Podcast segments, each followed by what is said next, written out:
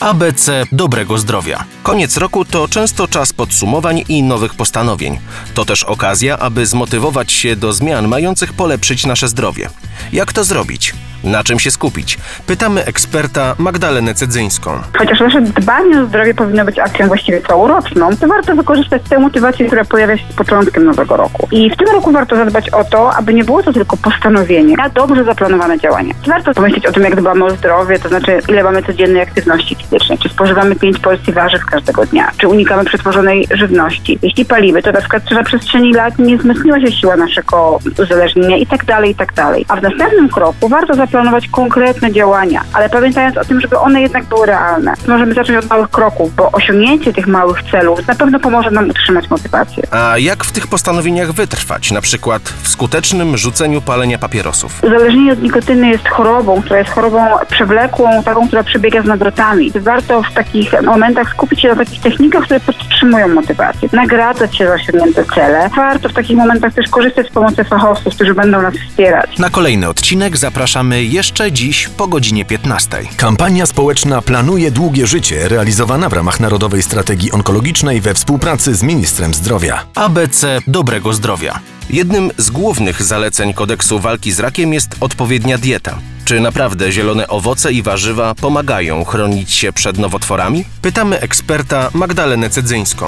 No tak, zielone warzywa i owoce mogą pomóc w walce z nowotworami, na przykład ze względu na zawartość biologicznie aktywnych związków oraz błonnika. One pomagają chronić się na przykład przed rakiem jelita grubego. Poza tym warto pamiętać, że jest to niskokaloryczny element diety, a to z kolei wpływa na utrzymanie prawidłowej masy ciała. Prawidłowa masa ciała zmniejsza ryzyko zachorowania na kilka różnych nowotworów, na przykład na raka jelita grubego, na przykład na raka piersi u kobiet, raka żołądka, wątroby, trzustki czy przełyku.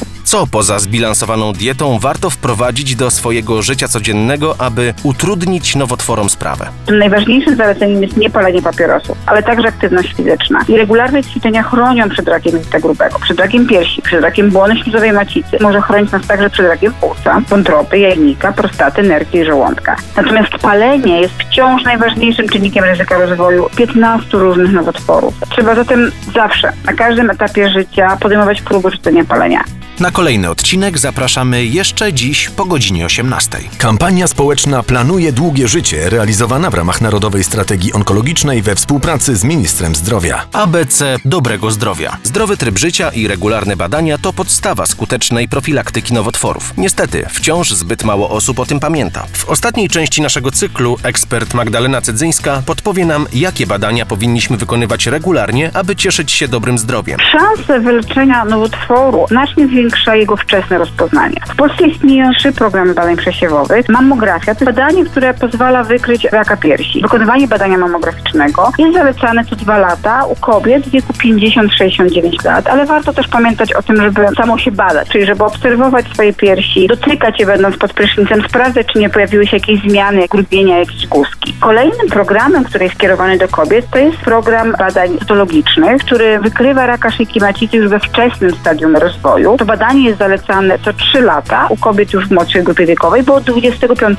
do 59 roku życia. Jest też takie badanie, które się nazywa kolonoskopia, które pozwala wykryć raka jelita grubego i ona jest też zalecana jako badanie profilaktyczne. W Polsce dla wszystkich w wieku 55 do 64 lata. Na koniec warto wspomnieć o takiej samoobserwacji też znamion na skórze. Im szybciej rozpoznamy raka skóry, tym szanse na wyleczenie będą większe. Kampania społeczna Planuje Długie Życie, realizowana w ramach Narodowej Strategii Onkologicznej we współpracy z Ministrem Zdrowia.